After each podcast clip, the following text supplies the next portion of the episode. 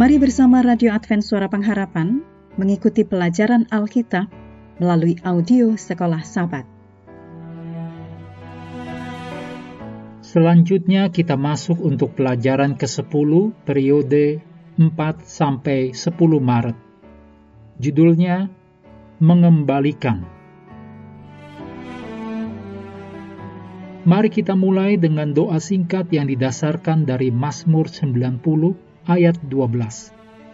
Ajarlah kami menghitung hari-hari kami sedemikian, hingga kami beroleh hati yang bijaksana. Amin.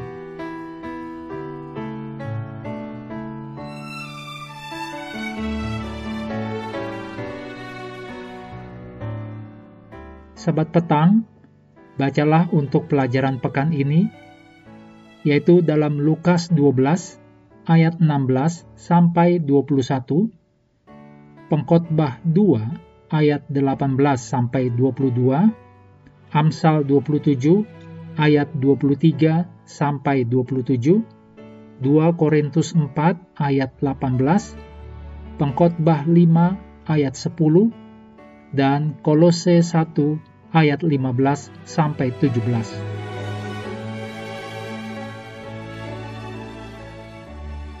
Ayat hafalan terdapat dalam Wahyu 14 ayat 13.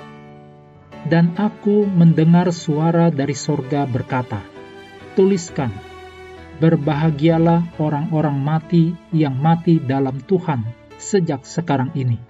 Sungguh, kata roh, supaya mereka boleh beristirahat dari jerih lelah mereka, karena segala perbuatan mereka menyertai mereka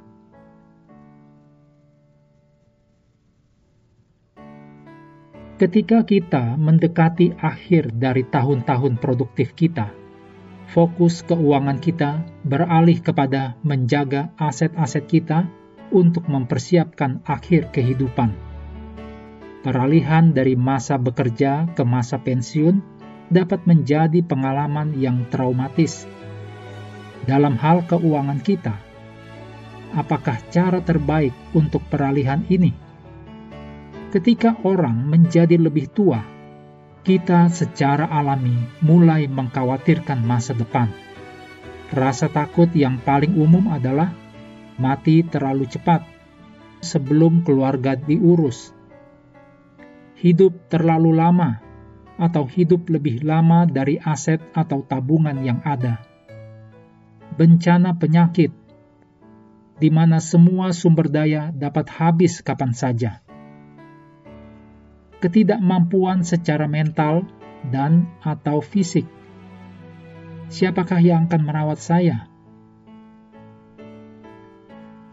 Ketika memberikan komentar tentang semua rasa takut ini, Ellen G. White menuliskan dalam Testimonies for the Church, jilid 1, halaman 424.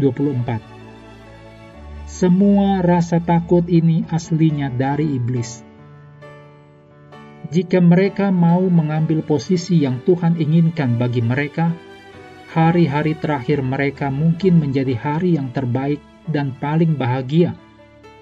Mereka harus mengesampingkan kecemasan dan beban dan mengisi waktu mereka sebahagia mungkin dan menjadi matang untuk surga. Pekan ini kita akan mempelajari nasihat Allah tentang tahun-tahun terakhir kita juga perkara-perkara yang harus kita lakukan, apakah yang harus kita kesampingkan, serta prinsip-prinsip yang harus kita ikuti.